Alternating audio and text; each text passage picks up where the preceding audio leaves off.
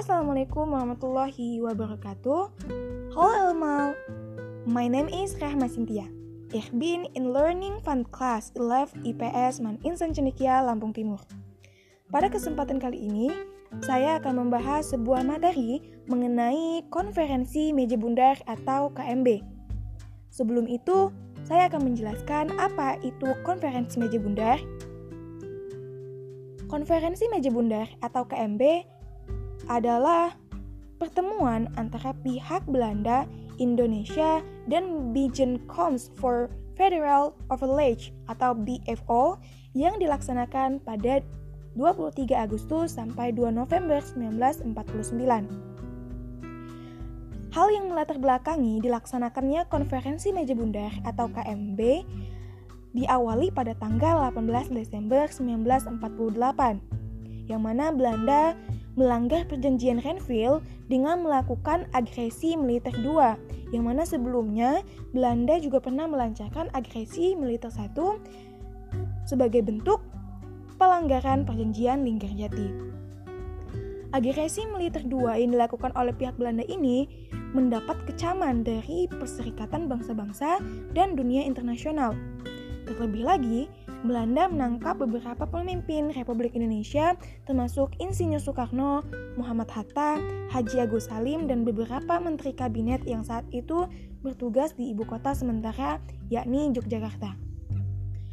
Pada 28 Januari tahun 1949, Dewan Keamanan PBB memberi keteguran kepada pihak Belanda dan menuntut dikembalikannya seluruh petinggi Republik Indonesia serta pemulihan pemerintahannya.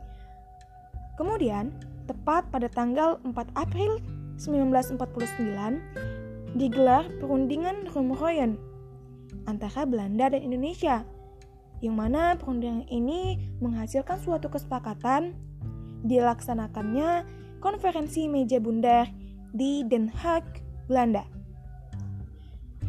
Dari hasil perundingan Rumroyen tersebut, dirumuskan suatu isi dari KMB sendiri, yakni yang pertama, Kerajaan Belanda menyerahkan kedaulatan penuh atas Indonesia dengan tidak bersyarat dan tidak dapat dicabut dan karena itu mengakui Republik Indonesia Serikat sebagai negara yang merdeka dan berdaulat. Kemudian yang kedua, RIS menerima kedaulatan itu atas dasar ketentuan-ketentuan dalam konstitusinya.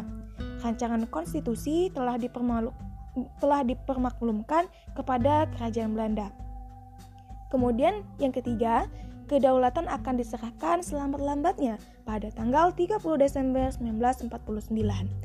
Nah, setelah menjalankan perundingan dan telah menemukan hasil dari hasil perundingan tersebut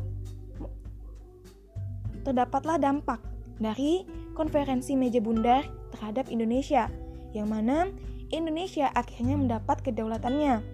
Acara penyerahan kedaulatan berlangsung pada tanggal 27 Desember tahun 1949 yang mana penandatanganan naskah penyerahan kedaulatan tersebut berlangsung di dua kota, yakni Amsterdam, Belanda, dan Jakarta, Indonesia. Mungkin cukup sekian dari saya mengenai konferensi meja bundar. Semoga bisa menambah wawasan teman-teman semua. Terima kasih. Wassalamualaikum warahmatullahi wabarakatuh. Sampai jumpa.